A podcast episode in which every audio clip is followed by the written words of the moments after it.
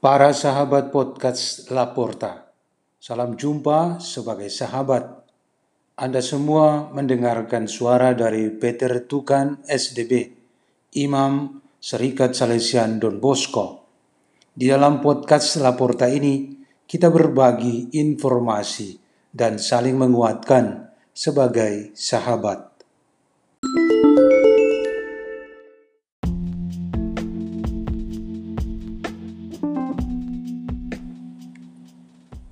Pada hari-hari ini, keadaan di seluruh dunia dan khususnya di negeri kita Indonesia sangat memprihatinkan dengan banyak COVID-19, coronavirus disease.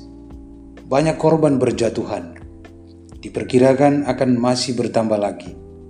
Obat atau vaksin untuk mematikan virus ini belum dapat dipastikan.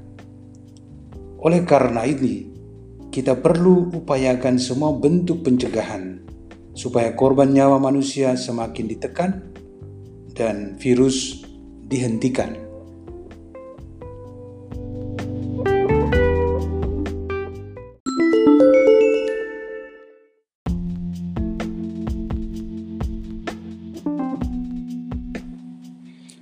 Saya ingin membagi uraian dari seorang rekan Imam Salesian Don Bosco, Pastor Yohanes Budi SDB, tentang beberapa cara bagaimana kita mencegah penularan virus COVID-19 ini. Yang pertama adalah menjaga stamina tubuh tetap fit dan sehat.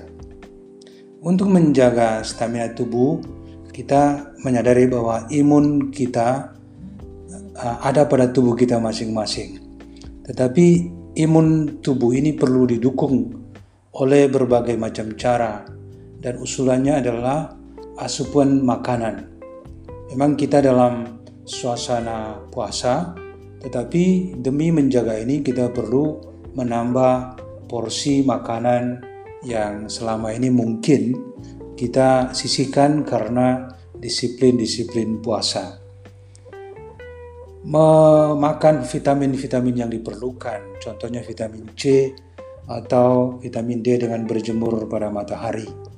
Kemudian istirahat yang cukup, misalnya mengambil waktu tambahan untuk istirahat atau tidur lebih awal daripada selama ini, di mana tidur selalu terlambat. Kemudian olahraga diberi porsi juga demi menjaga stamina tubuh ini. Yang kedua adalah tinggal di rumah saja. Kesulitan paling besar untuk memerangi virus-virus ini adalah kita tidak tahu mereka ada di mana. Maka kalau saja semua mengikuti komando dari pemimpin negara untuk tinggal di rumah saja selama 14 hari, laju penularan ini bisa ditekan. Karena interaksi dalam masyarakat dikurangi, lalu jumlah korban bisa ditekan. Kemudian, kalau ada yang ketahuan bahwa mereka terinfeksi, maka mereka bisa dilokalisir, diisolasikan. Sayangnya, banyak orang masih belum mengerti tentang social distancing ini, tinggal di rumah saja. Mereka pikir bahwa uh, mereka punya ketahanan tubuh, dan kalau menular dan jatuh sakit juga ada obatnya. Tapi kalau misalnya mereka bisa mati juga tidak apa-apa itu kan uh, kuasa Tuhan. Pemikiran-pemikiran seperti ini adalah sebuah sikap egois karena orang tidak menyadari bahwa berjangkitnya penyakit pada dirinya bisa menularkan ke banyak orang. Mungkin ada orang bilang, satu carrier bisa menularkan ke seribu orang walaupun ini bukan sebuah data ilmiah tapi itu sangat membahayakan.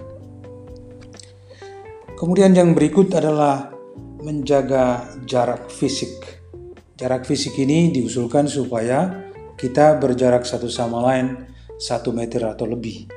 Ini untuk menjaga supaya sentuhan dari satu ke yang lain atau droplet yang keluar dari mulut bisa sangat menghindari itu.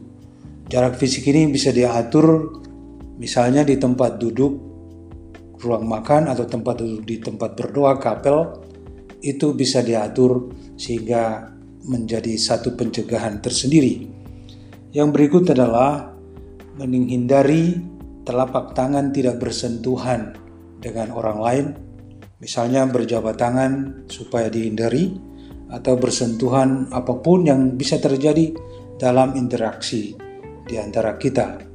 Menyentuh tempat-tempat yang biasa disentuh orang lain, misalnya pegangan tangga atau pegangan kunci, uh, tempat untuk membuka pintu, dan seterusnya. Kemudian, memisahkan lansia. Ada kesaksian dari uh, Menteri Pertahanan Israel bahwa para lansia ini sangat rentan kena infeksi atau terjangkit penyakit menular dan bisa sangat berbahaya. Oleh karena itu mereka bisa disendirikan, makanan mereka disisikan tersendiri atau diantar.